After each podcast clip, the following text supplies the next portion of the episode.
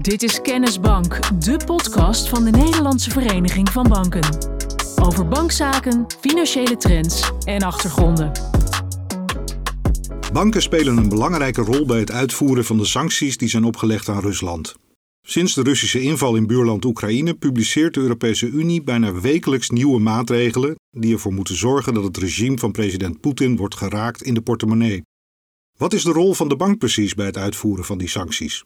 Welke problemen komen banken daarbij tegen? En zijn er voorbeelden uit het verleden waarbij sancties met succes werden ingezet? Ik praat daarover met sanctiespecialisten van de NVB, Nathan Oostindier en Yvonne Willemsen. Welkom.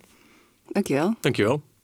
Nathan, sinds de inval in Oekraïne maak je lange weken om banken te ondersteunen in het sanctiebeleid eh, tegen Rusland. Maar de sancties zijn natuurlijk een afgeleide van het oorlogsgeweld. Hoe kijk je daarnaar? Ten grondslag van die sancties ligt natuurlijk gewoon heel veel leed en een, en een conflict situatie. En dat, dat is gewoon verschrikkelijk. En ik zat uh, gisteren, zag ik ook hè, de, de ballerina Olga Smirnova, die gevlucht is. En die zei ook van oorlog is niet meer van deze tijd. En dat is het, dat is de kern van dit. Het is helemaal niet, het, hoort niet. Uh, na, na de Tweede Wereldoorlog hebben we met elkaar afgesproken nooit meer. En toch gebeurt het weer. Dus ja, dat, zo komt het allemaal binnen. Yvonne, hoe is dat voor jou? Kijk jij naar de oorlog? Ja, het is natuurlijk een ontzettend verontrustende situatie. Met name natuurlijk voor de mensen die in Oekraïne zelf zitten. Uh, je realiseert je dan ook wel dat je heel erg veilig bent hier in Nederland. Um, en het voelt inderdaad, net zoals Nathan zegt, bijna onwerkelijk hè, dat je oorlog hebt hier weer in Europa. Um, dan ben ik extra blij dat we hier toch in een heel veilig land zitten. En dat, we, en dat er ook weer zoveel acties op gang komen om mensen die inderdaad vluchten, uh, deze kant op te kunnen helpen. Dus uh, dat is de andere kant ook weer van een hele nare situatie, dat het ook alweer het goede vaak in mensen bovenhaalt. En dan doe je natuurlijk op de humanitaire acties die. Zeker, de humanitaire acties uh, die uh, Nederlanders en alle Europeanen zeg maar in gang zetten. van de cupcakes die verkocht worden bij ons aan de deur om geld in te zamelen tot mensen die onderdak geven aan, aan vluchtelingen. Maar we hebben het hier natuurlijk vandaag over de sancties die mede worden uitgevoerd door de banken. Um, Krijg je dat gevoel ook met, met die sancties? Van ik, ik draag toch iets bij om iets aan die oorlog te doen, uh, Nathan? Ja, je bent er dan toch wel directer bij betrokken uh, vanuit deze rol. En um, misschien niet de illusie hè, dat die sancties de, het, het, geweld gaan oplossen. Maar wel het idee dat je bijdraagt aan een goede uitvoering daarvan. Want het is het middel dat nu wordt ingezet om, uh, om de situatie ja, toch proberen te stoppen. Want wat is eigenlijk de rol van sancties? Waarom, waarom worden die ingezet? Nou, primair is het eigenlijk om een gedragsverandering teweeg te brengen in bepaalde regimes. Hè? In oorlogssituaties, in schenden van mensenrechten en dat soort dingen. Dus dat is eigenlijk de inzet van sancties om die uh, regimes te bewegen om hun, om hun praktijken te stoppen. Ja, en misschien nog even toevoegen: sancties zijn ook een middel dat je inzet om, om geen geweld in te zetten. Want uiteindelijk is het de, de, laatste escalatiemogelijkheid voordat je het, over, overgaat tot geweld. En, en, sancties zijn weer à la carte. Dus je kan daar ook weer, uh, in, die kunnen krachtig zijn of minder krachtig. En daar kan je mee spelen. Laten we eens even naar die sancties gaan kijken. Want wat, wat zijn het eigenlijk? Wat, wat voor sancties hebben we? Ja, als je het plat slaat, heb je twee, twee soorten sancties eigenlijk. Een plicht uh, en een verbod. Even heel simpel gezegd. En waar, wat je veel terugziet in de media is het uh, bevriezen van tegoeden. Hè, dus de plicht om te bevriezen. Als er geld staat op een rekening, dan, dan hou je dat vast. Uh, verder zijn er allerlei verbodsbepalingen. Dus een verbod gericht aan Europeanen, uh, financiële instellingen in Europa, om allerlei zaken niet meer te doen. Dus bepaalde transacties niet meer te doen, bepaalde financiële diensten niet meer te verlenen. Um, en ook daarvan uh, zie je dat dat à la carte is. Hè? Dus, dus de, um, de westerse overheden proberen de mensen in Rusland te raken om wie het gaat. Um, maar dat wordt wel heel breed uitgerold nu, gezien ook de, de, de ernst van het conflict. En welke rol speelt de bank bij het uitvoeren van die sancties, uh, Yvonne? Nou, kijk, een bank moet natuurlijk, net zoals iedereen, voldoen aan die sanctiewet en sanctiebepalingen. En zoals Nathan eigenlijk al zei, uh, je hebt dus de verplichting om transacties te bevriezen. Van mensen die dus op die sanctielijst en bedrijven die op die sanctielijst staan. Te voorkomen dat er bepaalde diensten worden verleend. En dan moet je ook denken aan het openen van een rekening, maar ook kredieten en allerlei andere dingen. En ook dat je faciliteert, hè, dus dat er bedrijven, dat je ook voorkomt dat bedrijven allerlei transacties overboeken. die te maken hebben met bijvoorbeeld producten die er op de lijst staan, goederenstromen en dat soort dingen. En je krijgt dus eigenlijk een lijst aangeleverd. Uh, en vervolgens ga je controleren van hey, staan er uh, bekenden op in, mijn, in mijn systemen. En vervolgens bevries je die te goede. Nou, je krijgt die lijsten die staan nu gewoon op het internet. Hè, dus die zijn gewoon openbaar en publiekelijk toegankelijk. En daar staan inderdaad namen van bedrijven en personen op. Dat is één. en dan heb je inderdaad gewoon ook de bepalingen die aangeven wat je met die uh, bedrijven moet doen. Hè. Je hebt soms ook dat je economische sancties hebt, dat je bijvoorbeeld geen um, militaire wapens mag leveren of andere goederen die, uh, die dat oorlogsgeweld ondersteunen. Daar is zo'n verbod op. Dus dat, dat zijn ook gewoon allerlei sancties die daar allemaal. dus het is een heel palet van sancties die wordt genomen om nou, inderdaad zo'n verandering van gedrag bij een bepaald regime te doen bewerkstelligen. Nathan, we zullen straks nog uitgebreid spreken over zeg maar, ja, de, de, de uitvoeringsmoeilijkheden. Dat het eigenlijk niet zo simpel is van uh, het is of ja of nee en uh, we gaan verder. Maar ik denk dat veel luisteraars zullen, zich zullen afvragen... wat gebeurt er met dat geld wat bevroren wordt? Kunnen we dat aan de Oekraïners geven? Uh, wat er gebeurt met dat geld is, is dat uh, het bevroren wordt. En eigenlijk uh, is, is dat het ook meteen. Het wordt gewoon vastgehouden, vastgezet. Er, er, kunnen geen mutaties meer plaatsvinden van dat geld. Dus dat, dat blijft net zo lang staan als de sanctie geldt. Maar dat kan soms wel 20, 30 jaar duren. Dat kan heel lang duren, klopt. Is er eigenlijk veel Russisch geld in Nederland? Ja, dat is de vraag. Hè? Maar ik, ik zou willen zeggen dat hè, de, deze personen aan wie de sancties gericht zijn, deze oligarchen, zich toch uh, jarenlang hebben kunnen voorbereiden op wat er komen gaat. Hè. Zij wisten natuurlijk waarschijnlijk wel wat er zou gaan gebeuren met, uh, met de situatie. Um, en sancties komen dan toch hè, onder politieke druk snel tot stand, maar niet heel snel uiteindelijk. Um, dus ik heb, ja, ik heb wel het idee dat deze mensen zich hebben voorbereid en dat ze hun vermogen op allerlei manieren hebben gestructureerd en dat niet in het Westen hebben gedaan. En zeker niet in Nederland. Je kan me ook voorstellen dat in Nederland uh, vanwege bijvoorbeeld MH17... Uh, de mm. Nederlandse banken ook niet echt zaten te wachten op Russische nou, klanten. Dat, een goed punt. En dat is ook een beetje de keerzijde van het verhaal. Um, we zagen, er is natuurlijk al een eerder conflict geweest uh, rond de Krim. Dat heeft ook geleid tot sancties. Ja, en zodra er sancties zijn op een land of een gebied... Um, ja, dan, dan uh, wordt de bereidheid om daar zaken mee te doen, die neemt gewoon af. Dus je gaat überhaupt je posities afbouwen... Uh, omdat, het, uh, omdat er sanctiegevoeligheid is.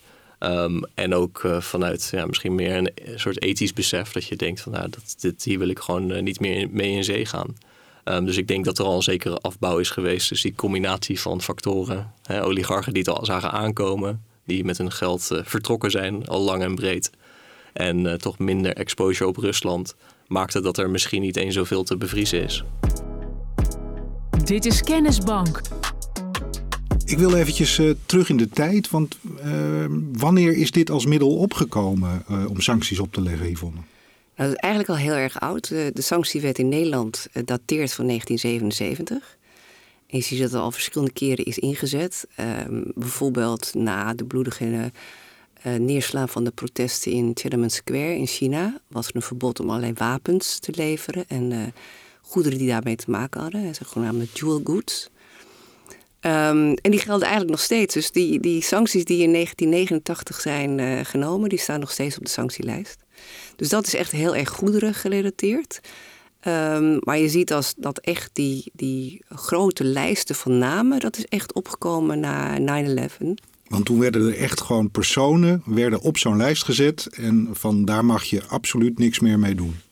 Ja, dat was eigenlijk de keer dat je. Normaal werd het gewoon echt tegen landen genomen en goederenstromen. En dit was echt een lijst van nou ja, honderden namen die we kregen. Van personen die, nou, waarvan het vermoeden was dat ze betrokken waren bij Al-Qaeda. En waar dus geen financiële stromen meer naartoe mochten. En ook waar de rekeningen van moesten worden bevroren. En dat was in die tijd, dat kun je ons misschien niet meer voorstellen. Uh, we gaan nu allemaal heel makkelijk naar het internet. Uh, maar dat was in die tijd nog niet zo heel makkelijk voorhanden. Dus wij kregen nog een, een echte CD-ROM aangeleverd met lijsten van namen. En die waren natuurlijk ook nog helemaal niet volledig. Uh, er waren ook allerlei aliasen. Er stond bijvoorbeeld Mohammed op, zonder geboortedatum.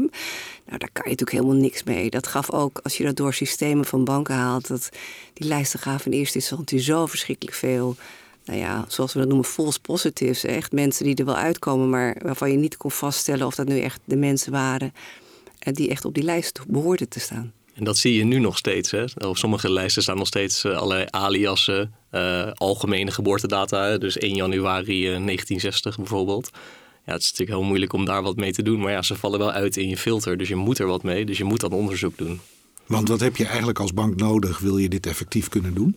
Zoveel mogelijk informatie. Dat is ja. heel flauw, maar dat is het wel. Dus uh, duidelijke namen, duidelijke spelling, uh, duidelijke geboortedata. Uh, ook nog iets van een context. Um, nou, dat soort zaken, dat helpt allemaal. Het land waar ze wonen is natuurlijk ook wel heel erg belangrijk. Dat geeft ook wel een goede indicatie of het jouw klant is of iemand die ergens op een heel ander werelddeel woont. En van wie, van wie kunnen, we die, kunnen banken die gegevens krijgen? Het proces is dat er heel veel namen vanuit uh, Verenigde Naties op de lijst. Dat is eigenlijk de, de bron uh, die uh, dit soort lijsten en, en, sancties neemt. En dat wordt dan weer overgenomen door, in dit geval in Europa, door de Europese Unie. En er staat ook gewoon een geconsolideerde lijst op het internet. Dus die kan iedereen vinden en kan ook zien hoe verschrikkelijk veel sancties er zijn en hoeveel namen er nog op staan. En misschien nog in aanvulling, kijk, elk land in de wereld kan zelf een sanctielijst maken. Dus Nederland heeft zelf ook een eigen lijst. Dat is dan een nationale terrorisme-lijst waar dan mensen op worden gezet. Maar ja, de VS heeft eigen sancties, de Europese Unie heeft sancties, op VN-niveau worden sancties genomen. Dus je kunt je voorstellen dat het eigenlijk een heel web is aan sancties die nu gelden ten aanzien van allerlei landen in de wereld. Maar zou het niet veel handiger zijn als daar gewoon één lijst voor zou komen? Nou ja, dat zou zeker handiger zijn. Er is wel één overzichtelijke website van de uh, Europese Unie zelf. En dat is uh, uh, EuropeanSanctionsMap.eu, geloof ik. Nou, als je googelt European Sanction Map, dan zul je hem vinden. En daar staat een soort van overzichtskaart met alle landen waar sancties gelden vanuit de EU.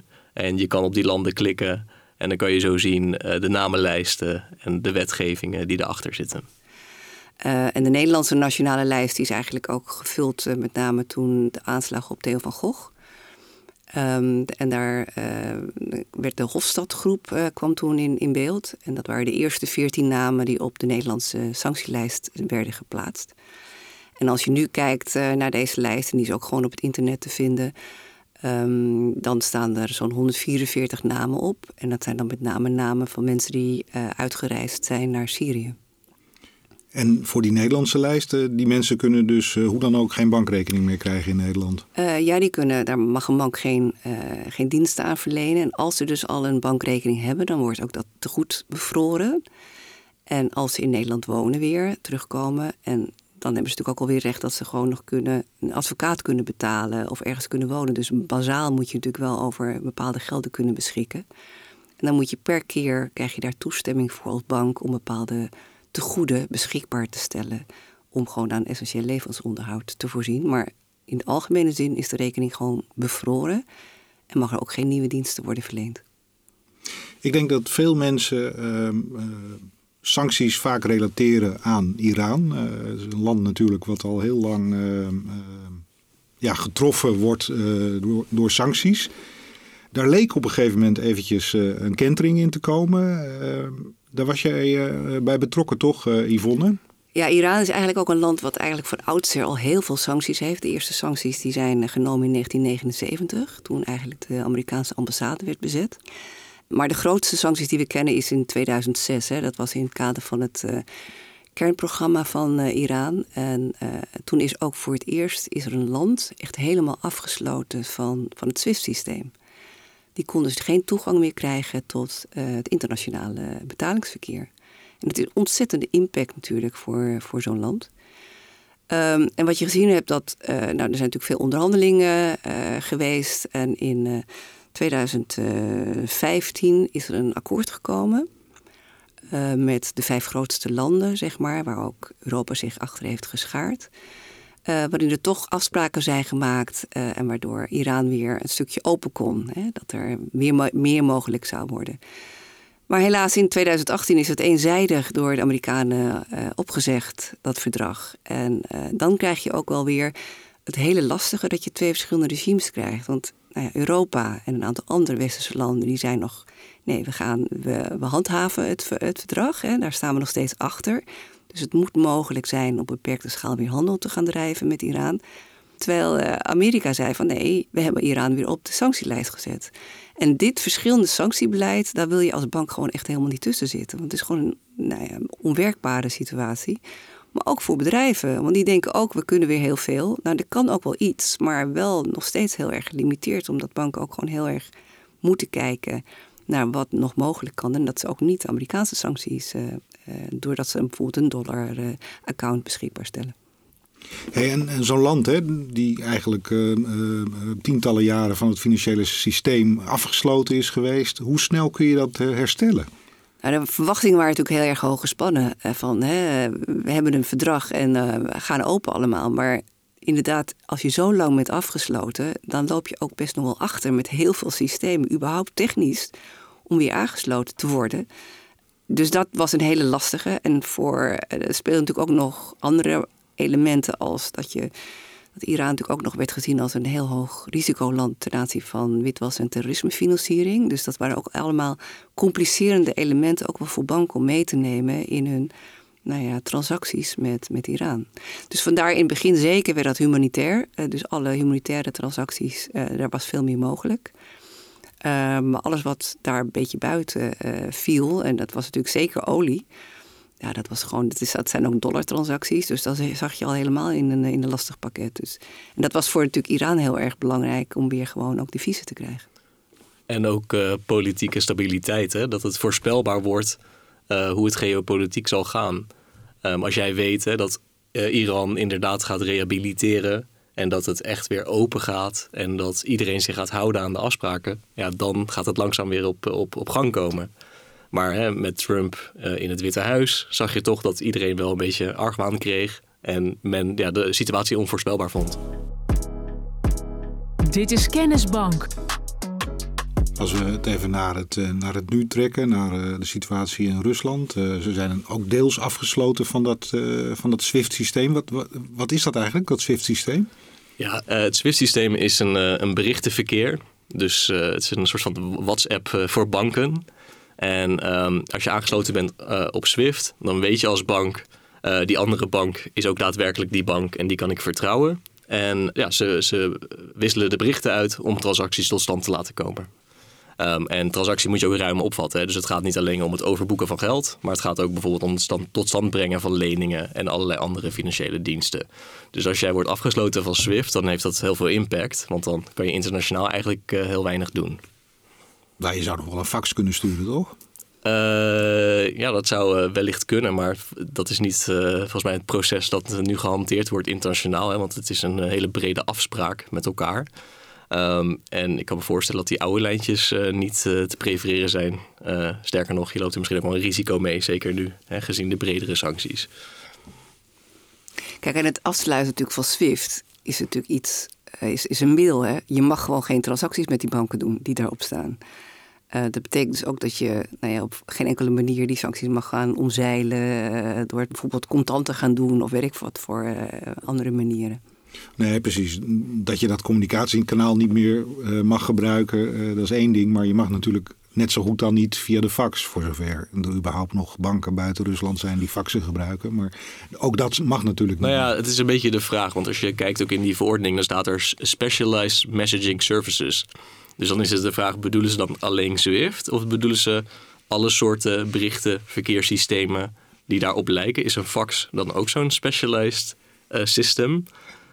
Ja, Eigenlijk kan niemand je dat heel goed vertellen. We, komen, we komen hier nu in de interpretatieverschillen, ja, merk ik al. Um, zou je eerst kort nog eventjes een overzicht willen geven? En, en, en dan hoeft absoluut niet uitputtend te zijn, maar even in grote lijnen wat, uh, wat de sancties nu zijn uh, tegen Rusland. Um, er zijn vier sanctiepakketten uh, gekomen. dan moet je je voorstellen dat er ja, verordeningen en besluiten van, van de Raad van de Europese Unie gepubliceerd worden. En daarin staan allerlei zaken opgenomen. En ik denk hoofdzakelijk gaat het echt om die bevriezingen. Dus de oligarchen die, uh, die op lijsten worden gezet. Nou, dat is allemaal heel erg duidelijk. Maar daarna zie je ook sectorale sancties. Dus sancties ten aanzien van het bankensysteem, ten aanzien van olie en gas. Maar dan weer niet de levering van olie en gas. Uh, sancties ten aanzien van dual-use goederen. Ehm, Dual-use goederen, moet je denk ik even uitleggen. Wat, uh, wat zijn dat? Ja, dat zijn goederen die je op twee manieren kan gebruiken. Dus je kan, hè, de, bijvoorbeeld zijn dat uh, schroefjes die je kan stoppen in een, in een broodrooster. Maar je zou hetzelfde schroefje ook kunnen gebruiken voor een raket. Even plat gezegd. Nou ja, dat zijn natuurlijk gevoelige goederen. En je wil daarvan niet dat het in handen komt van ja, de, het militaire apparaat van uh, Rusland. Er staan geloof ik ruim 800 Russische personen op, op die sanctielijst. Daar kijk je als bank gewoon van... hé, hey, uh, hebben die mensen een bankrekening bij mij? Of op een andere manier nemen zij diensten bij ons af? En als, dat, als het antwoord daarop ja is, dan bevries je die te goede. Lijkt me redelijk straightforward. Dat is ook vrij straightforward inderdaad. Banken screenen. Dus je kijkt in je database... Waar, met wie heb ik een overeenkomst of met welke entiteit... En als daar wat uit komt rollen, om maar zo te zeggen, dan, uh, dan bevries je. Uh, soms is het wel moeilijker, omdat het kan ook gaan om personen, natuurlijke personen die hè, UBO zijn, dus uiteindelijk belanghebbende achter een organisatie. Dus het kan zijn dat een van die personen die op die lijst staat, um, dus in de structuur van een organisatie zit, van jouw klant, daar boven in de structuur blijft te, blijkt te zitten. En dan moet je vaststellen trekt deze persoon aan de touwtjes? Heeft hij hè, het eigendom van die dochterpartij, wie mijn klant is? Of heeft hij op een andere manier zeggenschap over uh, die hele structuur? En dat is wel een hele moeilijke, moeilijk iets. Dan moet je echt heel veel uh, due diligence doen om daar echt achter te komen. Soms is het ook ja, onmogelijk, zou ik zeggen. Maar... Ja, en het lastige is ook, je krijgt dus ook niet die namen van de bedrijven waar die mensen in zitten. Dat moet je als bank gewoon zelf gaan onderzoeken, hoe die structuren in elkaar zitten. En naast dus het, uh, het, blokkeren van die rekeningen moet je natuurlijk ook gewoon real-time je internationaal betalingsverkeer nog filteren. Dus je moet ook voorkomen dat er ook bedragen worden overgeboekt naar uh, die mensen die gewoon ergens anders een rekening aanhouden. Waarom was er in het begin zoveel aarzeling om die banken af te sluiten van SWIFT? Nou, je hebt dat inderdaad ook bij de Iran-sancties gezien, hè? want het was inderdaad de eerste keer dat SWIFT werd afgesloten. SWIFT is natuurlijk eigenlijk gewoon een heel neutraal systeem. En wil, je wil eigenlijk ook voorkomen dat dat in geopolitieke doeleinden worden ingezet. Um, het is de highway waarover uh, de auto's gaan, in dit geval de berichten. Uh, en wat je ook gezien hebt na de eerste keer dat SWIFT werd afgesloten, dat er toch een aantal landen gedacht heeft van ja, ik wil hier niet al te veel afhankelijk van worden. Dus je ziet ook wel dat China een eigen systeem aan het bouwen is um, van een berichtenservice die zij zelf kunnen gaan gebruiken. Omdat nou ja, de afhankelijkheid wordt wel groot. En de vraag is ook of dat een hele goede ontwikkeling is.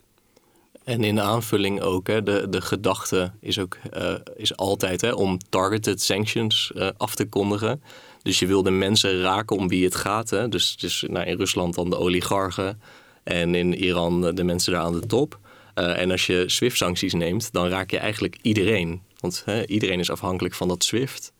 Um, dat heeft ontzettend veel gevolgen. En ook eigenlijk gevolgen die je niet helemaal kan overzien. Um, dus daarmee stap je wel af van het idee van we raken de mensen aan de, alleen de mensen aan de top en niet de, bevolking.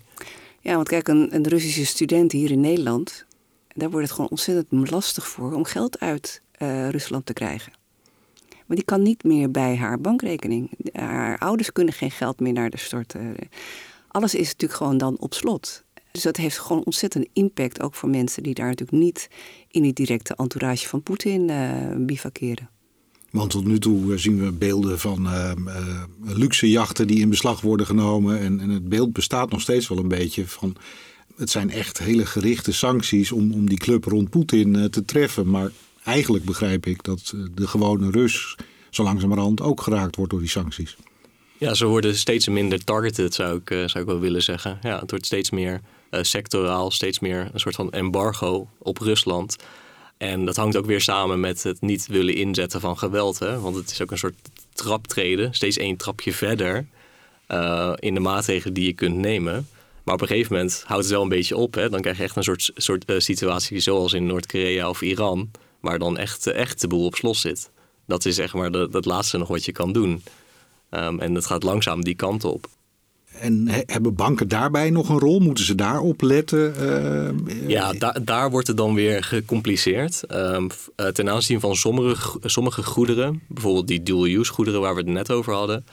Daarvan uh, mag je ook uh, geen financiële diensten verlenen. Hè? Dus je moet, uh, stel je wil een verzekering voor een transport doen, dan zou dat niet mogen. Of een, of een lening ten behoeve van een, van, van een export. Wacht even, ik, ik ben een ondernemer en ik heb een, een bedrijf in, in schroefjes. Ik produceer hele mooie boutjes en schroefjes voor broodroosters in Rusland. Bijvoorbeeld, ja. Maar helaas, die kunnen ook gebruikt worden voor een raket. Voor een raket.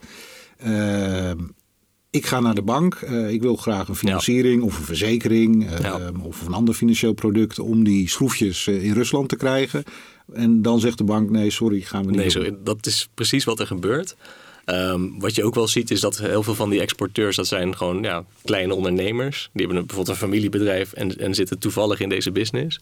Um, ja, die zijn ook gewoon wat minder professioneel. Die weten ook niet al deze regels.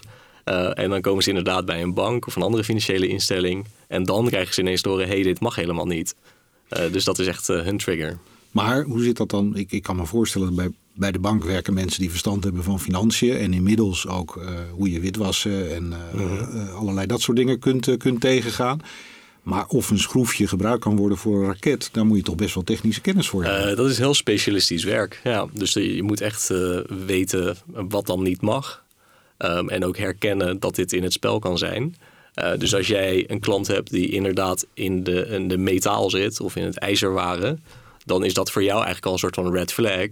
Uh, zeker als daar ook nog een, een Rusland bij komt kijken, hè, echt gericht op de export. Ja, dan, dan moet je als bank echt uh, ja, verder vragen, doorvragen, informatie uitvragen. Um, dan kan je dit niet zomaar gaan doen. Voor Nederlandse ondernemers is het dus een stuk moeilijker om nog handel te drijven met, uh, met Rusland. Kunnen banken uh, ondernemers een advies geven als zij toch nog zaken willen doen met Rusland? Ja, het algemene advies is altijd: neem eerst contact op met je bank als je wat wil doen. Uh, want er is natuurlijk niks zo frustrerend dat, dat je toch bepaalde goederen opstuurt en levert en vervolgens niet betaald kan krijgen. En die kant is natuurlijk heel erg groot. Dus eigenlijk voor alle sancties, dat is niet alleen voor de Rusland-sancties, maar het geldt eigenlijk voor, er zijn natuurlijk heel veel sancties op verschillende landen. Bespreek het eerst met je bank, wat de mogelijkheden zijn. Informeer je goed. Uh, dat voorkomt heel veel frustratie, dat er of uh, dat je je geld niet krijgt, of dat bepaalde goederen worden bevroren. Tot slot denk ik dat we nog eventjes moeten ingaan op wat er, wat er beter kan. Want er worden nu sancties uh, gepubliceerd. Eigenlijk du moment dat ze worden gepubliceerd, moet je ermee aan de slag als bank. Is het altijd even duidelijk? Ik denk dat de inhoud van sancties, en dan heb ik het niet over dat bevriezen, want dat bevriezen is eigenlijk heel erg duidelijk. Maar ik denk dat het vooral die verbodsbepalingen zijn en de fijnmazigheid uh, waarmee dat gebeurt. En de uitzonderingen die dan weer gelden. Ik denk dat dat, dat leidt tot heel veel vragen. Dus zodra je daar uh, specifieker in wordt, um, gewoon uh, vastomlijnde definities in gaat gebruiken, dan wordt het allemaal veel duidelijker. De Europese Commissie is nu, denk ik, hard bezig om ook een soort van guidance te gaan schrijven op wat ze nu dan hè, als wetgeving hebben uitgebracht. Om maar te verduidelijken wat ze bedoelen. Maar ja, goed, dat gebeurt allemaal achteraf. En eigenlijk in een ideale wereld heb je dat toch al iets meer vooraf. Um, en wat ik ook wel merk met deze sanctierondes in ieder geval, is dat er heel veel snelheid in zit. En dat men toch vergeet om de uitvoerders van deze sancties, dus banken en andere financiële instellingen, echt goed te betrekken. Dat, zou echt het gro grootste adviespunt zijn. En misschien nog een ander ding is ook um, hè, de verschillende sanctieregimes van de verschillende landen. Dus van de VS, van het VK en van de Europese Unie. Um, die zouden toch, toch meer op elkaar afgestemd moeten zijn. En dat gaat echt om, om, om de details en ook om wie er op een lijst staat en welke sectoren, et cetera. Daar zitten best wel wat verschillen tussen. Um, dus je moet met de Europese Unie, uh, met die sancties moet je rekening houden, maar ook met het VK en ook met de VS. En het wordt echt een soort van spinnenweb, een soort van pleet aan wetgeving, wetgevingen. Uh, en dat wordt dan bijzonder uh, gecompliceerd. Dus ook daarvan zou ik zeggen, stel dat echt op elkaar af. Maar zou dat praktisch ook, ook mogelijk zijn? Want ik stel me zo voor dat de regeringsleiders uh, in, uh, in de nachtelijke uurtjes uh, aan het onderhandelen zijn welke sancties wel, welke sancties niet. Zou je op dat moment al Nathan Oostindier of Yvonne Willems aan tafel moeten hebben? Mij had je kunnen bellen. ik, ik heb ook van tevoren gezegd, want we zagen natuurlijk al een beetje aankomen van hey, wij zijn bereid om ex expertkennis te leveren mocht dat nodig zijn. bel ons, nou, et cetera. Nou, ik moet zeggen dat dat niet helemaal gebeurd is.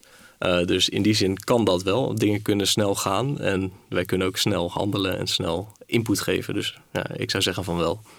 En ik denk dat het ook voor beleidsmakers wel goed is om te weten wat de impact ook daadwerkelijk van sancties is. Uh, en nog even met die verschillende lijsten. Ik bedoel, als je echt een front wil vormen, zowel politiek, probeer het dan ook gewoon economisch en met de sancties te doen. Uh, want nu is het eigenlijk niet haalbaar en werkbaar om gewoon al die verschillende lijsten, terwijl je één gemeenschappelijk doel hebt. Dus laten we nou gewoon ook komen tot één sanctielijst. Tot slot, uh, in het begin uh, hadden we het er al even over dat ja, jullie werk nu heel dicht op de actualiteit zit en wellicht ook kan bijdragen, of dat je in ieder geval iets kan doen aan de situatie daar. Denken jullie dat uiteindelijk dat deze sancties ervoor zullen zorgen dat er een wapenstilstand komt, Nathan? Deze sancties op zich niet. Ik denk dat we niet die illusie moeten hebben. Ik denk ook hè, dat je die, die kring om om Poetin heen en Poetin zelf hiermee ook eigenlijk niet zo raakt. Maar het is wel een drukmiddel. En het is, het is een palet aan maatregelen die je neemt. En daar is het uh, daar gewoon onderdeel van. Uh, dus, dus nee en ja. Yvonne, denk jij dat sancties zin hebben? Ehm, nou, het ligt eraan hoe je zin definieert. Maar het heeft zin in de vorm dat er een drukmiddel ontstaat. Dus daar geloof ik dus wel in. En ik, net zoals we eerder ook gezegd hebben het is gewoon heel erg fijn dat je niet, uh, dat dit nog een middel is om niet naar de wapens te grijpen. Um, dat je nog acties kunt ondernemen, gewoon op politiek vlak, uh, om druk uit te oefenen. Um, dus dat is het positieve daarvan. Maar of dit echt daadwerkelijk gaat helpen om een strijd te beëindigen, of om echt iets uh, om een oorlog te stoppen, uh, dat geloof ik niet. Maar het is wel een, een van de pressiemiddelen die je kunt inzetten. En ik denk dat dat zeker ook wel in deze situatie wel effect zal hebben. En misschien ook daar nog aan toevoegen. Ik denk ook dat sancties vooral zin hebben als zoveel mogelijk landen daaraan meedoen. Ja, je ziet nu toch wel gebieden en landen die niet meedoen. Ja, en dat zijn de toevluchtsoorden. Dus ja, de jachten en de, de privéjets die nou, vliegen naar bepaalde landen op dit moment, waar dan geen sancties zijn. Dan zie je dat het pressiemiddel dan toch wat minder krachtig is dan uh, men hoopt. Dank jullie wel. Graag gedaan. Graag gedaan. En hiermee zijn we aan het einde gekomen van deze vierde aflevering van de NVB Kennisbank over sancties. Mocht je nou de tweede aflevering over banken en witwassen hebben gemist, check dan even onze site www.nvb.nl. Daar leggen Yvonne en Nathan je alles uit over witwassen en wat banken doen in die strijd tegen witwassen. Voor nu bedankt voor het luisteren en tot een volgende aflevering. Je luisterde naar Kennisbank, de podcast van de Nederlandse Vereniging van Banken. Tot de volgende aflevering.